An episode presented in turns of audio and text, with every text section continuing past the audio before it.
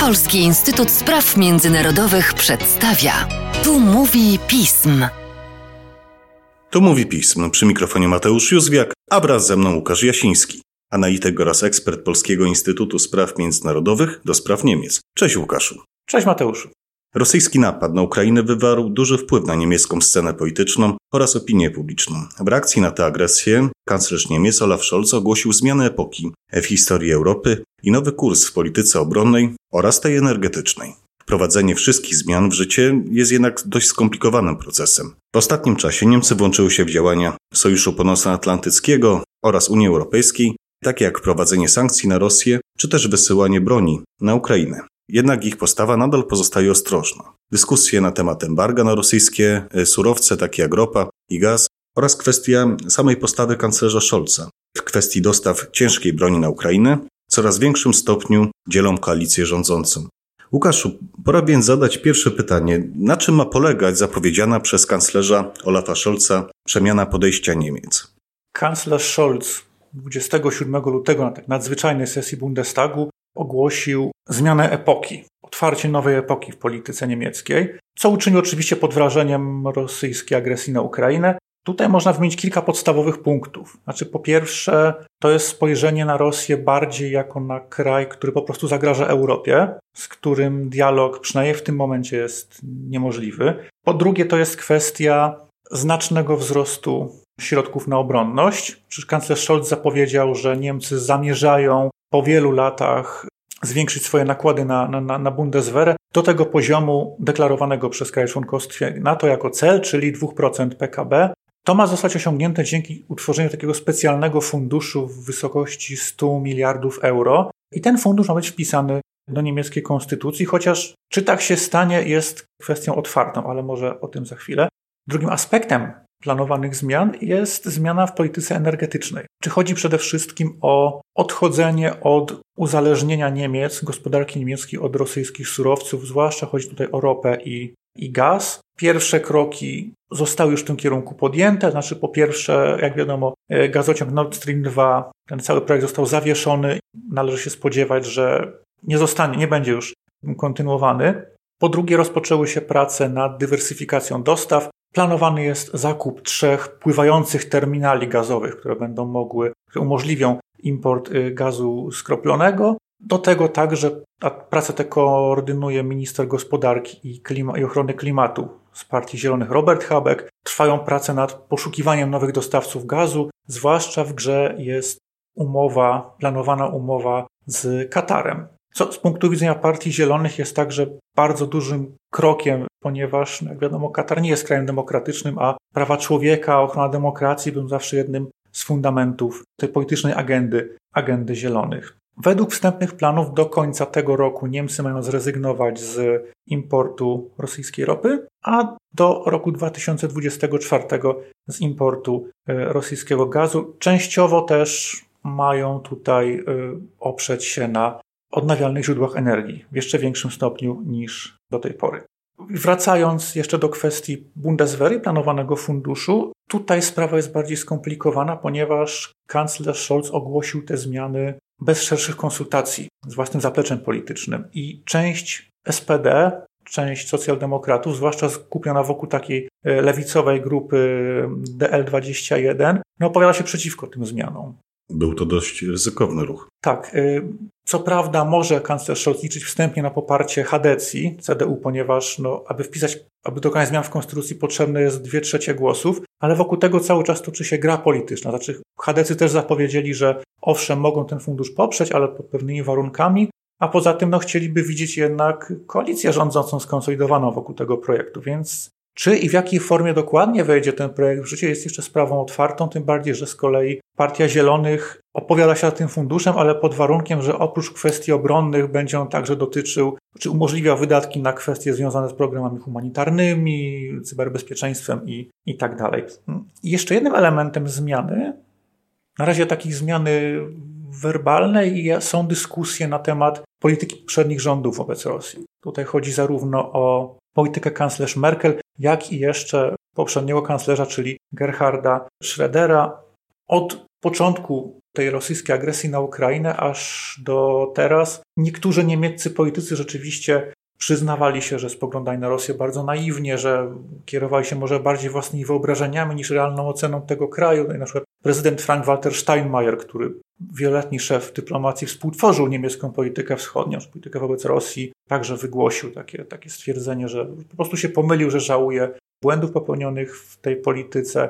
Mocno krytykowany jest zwłaszcza były kanclerz Gerhard Schröder, no, który jest znany z pracy dla rosyjskich koncernów energetycznych i wejścia w rolę de facto rosyjskiego lobbysty w Niemczech. Natomiast skala jednak rosyjskiego lobbingu, tych y, powiązań jest w dalszym ciągu duża i jakby z polskiego punktu widzenia istnieje pewne ryzyko, że cała ta dyskusja może łatwo się sprowadzić do takiego dosyć rytualnego wygłaszania opinii o, o popełnionych wcześniej błędach, czy, czy potępiania konkretnych, konkretnych osób, ale bez, bez głębszego podjęcia tej tematyki. Cóż, wymiar polityczny to jedna kwestia. Inną sprawą jest y, aspekt gospodarczy, a także tego, jak niemiecki biznes odniósł się do wojny.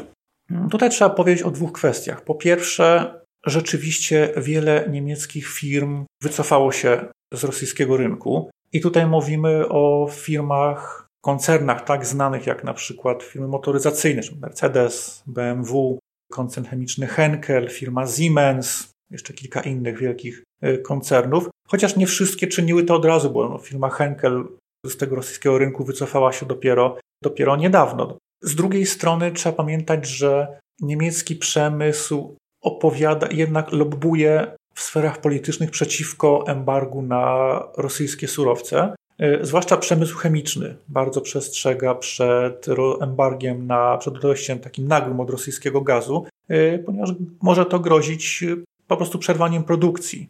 Z drugiej strony taki wpływ embargo na, na dostawy rosyjskiej ropy i gazu na niemiecką gospodarkę w zasadzie jest przedmiotem dyskusji ekonomistów. Są różne modele ekonomiczne.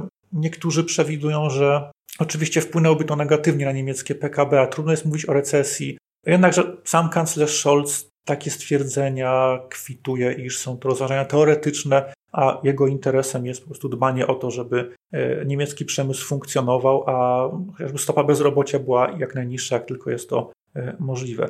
Z tego też powodu i biorąc pod uwagę stopień uzależnienia od rosyjskiego gazu i ropy, rosyjski gaz to jest 55% zapotrzebowania, ropa 50%, nie można dziwić fakt, iż Niemcy są jednym z tych krajów, które blokują wprowadzenie pełnego embarga na dostawy ropy i gazu, oprócz takich krajów jak Austria, Węgry czy, e, czy Bułgaria i jak się wydaje, nie należy się spodziewać zmiany tej postawy. Na forum unijnym można sobie co najwyżej wyobrazić jakieś koncepcje stopniowego odchodzenia, e, czy, czy, czy plany, które zresztą już powstały, stopniowego odchodzenia od rosyjskich surowców, natomiast nagłego embargo właśnie ze względu na tę niemiecką, specyfikę niemieckiej gospodarki raczej nie należy się spodziewać. Cóż, w takim razie warto zapytać też o to, jak wygląda kwestia niemieckiej pomocy dla Ukrainy. Warto tutaj zaznaczyć, że ta pomoc była dosyć zachowawcza na samym początku. Wróćmy jeszcze do czasu przed samą rosyjską agresją. Sądzę, że wszyscy słuchacze pamiętają kwestię tych pięciu tysięcy hełmów, które zostały wysłane na Ukrainę jako pomoc i które tak naprawdę y, zostały potraktowane, znaczy stały się wręcz anegdotą w pewnym momencie, a także, jak się wydaje, zaszkodził obrazowi Niemiec na arenie międzynarodowej. Przez bardzo długi czas to było tabu niemieckiej polityki. Znaczy, podstawowym założeniem było to, że Niemcy, mimo że są czwartym eksporterem broni na świecie, nie wysyłają broni do stref objętych konfliktem zbrojnym. I rzeczywiście to po rosyjskiej agresji się zmieniło. Oprócz tych nieszczęsnych hełmów, rzeczywiście na Ukrainę trafiły pociski przeciwpancerne, m.in. Panzerfausty i Stingery e, z zasobów Bundeswehry, także pociski jeszcze produkcji, jeszcze produkcji radzieckiej y, z zasobów po, były, po armii byłej NRD, po Narodowej Armii Ludowej, pociski strzała, których zresztą przydatność była też przedmiotem dyskusji, ponieważ mówimy tutaj o sprzęcie wojskowym bardzo, już bardzo leciwym. Oprócz tego można wymienić dostawy paliwa, środków ochrony, kamizelek kuloodpornych itd.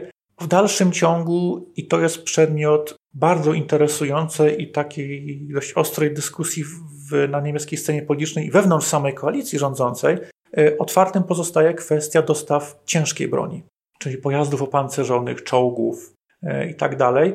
I tutaj za dostawami tej broni są znowu zieloni. Bardzo mocno domaga się tego zwłaszcza minister spraw zagranicznych Annalena Baerbock. Także politycy liberałowie, czyli politycy FDP, opowiadają się generalnie za dostawami ciężkiej broni.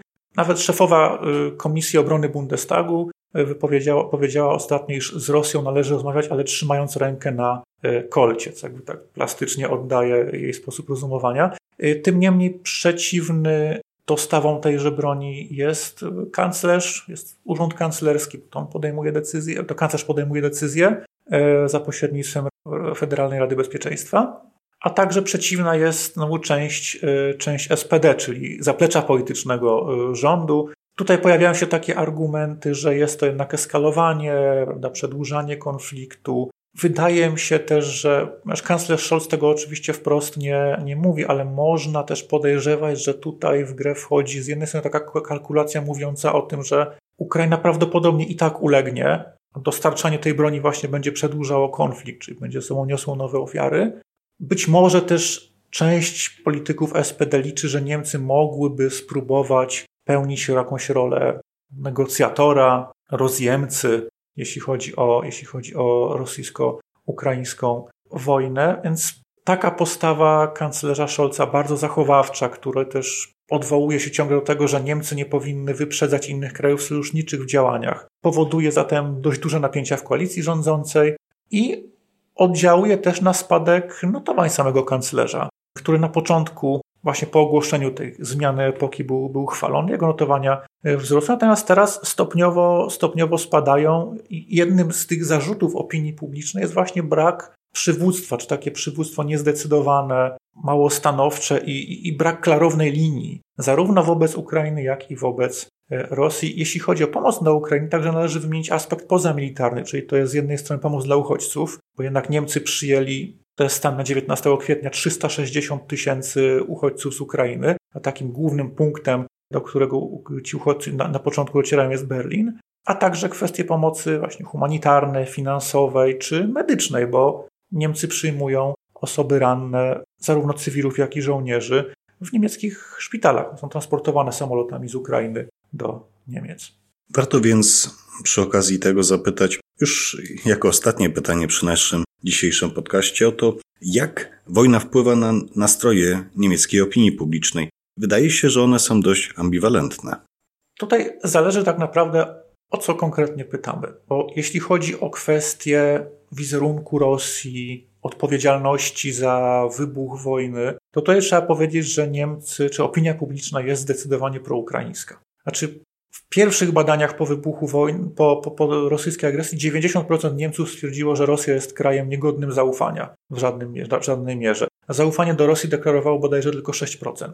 To jest też zmiana w porównaniu z rokiem 2014 i aneksją Krymu, kiedy część niemieckiej opinii publicznej jednak była skłonna uznać te rosyjskie, uznać te tezy rosyjskiej propagandy w tym zakresie. Teraz jest zupełnie inaczej. Większość Niemców opowiada się także za dostawami broni na Ukrainę, w tym za dostawami broni ciężkiej. Tutaj przeciwni są tylko wyborcy alternatywy dla Niemiec, ale ta partia generalnie wpisuje się w swoją narracją raczej w narrację rosyjską, bo podkreśla cały czas, że tutaj też Ukraina po części jest winna, winna temu konfliktowi, że to Zachód powinien tak naprawdę rzekomo uznawać rosyjskie, rosyjskie obawy i tak dalej, i tak dalej. Więc tutaj nie ma się co dziwić, że wyborcy AfD są przeciwni dostawą ciężkiej broni. Inaczej sprawa się ma, jeśli chodzi o wspomniane już embargo na dostawy surowców. Znaczy z jednej strony Niemcy rzeczywiście są za odejściem od rosyjskich dostaw, natomiast większość opinii publicznej jest przeciwna takiemu nagłemu zerwaniu z rosyjskim gazem i ropą naftową, co się wiąże po prostu z obawami o wzrost kosztów życia, wzrost cen i ewentualne ubóstwo energetyczne. Więc tutaj akurat można powiedzieć, że działania rządu kanclerza Scholza w tym aspekcie wpisują się rzeczywiście w poglądy większości e, niemieckiej opinii publicznej. Co też ciekawe, mimo wszystko aż 84% ankietowanych jest za kontynuowaniem czy za prowadzeniem jakiegoś rodzaju dialogu z Władimirem Putinem. Natomiast chodzi tutaj nie o to, żeby wynegocjować jakiś pokój kosztem ukraińskich ustępstw, ale chodzi bardziej o to, żeby w miarę możliwości za pomocą narzędzi dyplomatycznych uzyskać na przykład zawieszenie broni czy korytarze e, humanitarne. Co ciekawe, także ponad 80% badanych jest jednocześnie za tym, ażeby prezydent Rosji stanął przed Międzynarodowym Trybunałem w Hadze. Został pociągnięty do odpowiedzialności za zbrodnie wojenne. Można się spodziewać, że te nastroje będą ewoluowały. Z jednej strony wiele będzie zależało od sytuacji na froncie i od tego, jak skuteczny będzie ukraiński opór, a także od coraz to nowych, czego zapewne niestety można się spodziewać, informacji o kolejnych odkrytych masowych grobach rosyjskich zbrodniach wojennych. Szanowni Państwo, o tym, jakie efekty przyniesie zmiana epoki i działania kanclerza Scholza, jaka przemiana mentalnościowa czeka Niemcy, przyjdzie nam jeszcze porozmawiać z Łukaszem. A tymczasem dziękuję Ci za dzisiejszy podcast. Dziękuję bardzo. Państwa zaś zachęcam do śledzenia naszej strony internetowej, czytania najnowszych biuletynów i komentarzy, śledzenia mediów społecznościowych, także naszego kanału na YouTube. Z mojej strony to wszystko. Dziękuję za uwagę i do usłyszenia.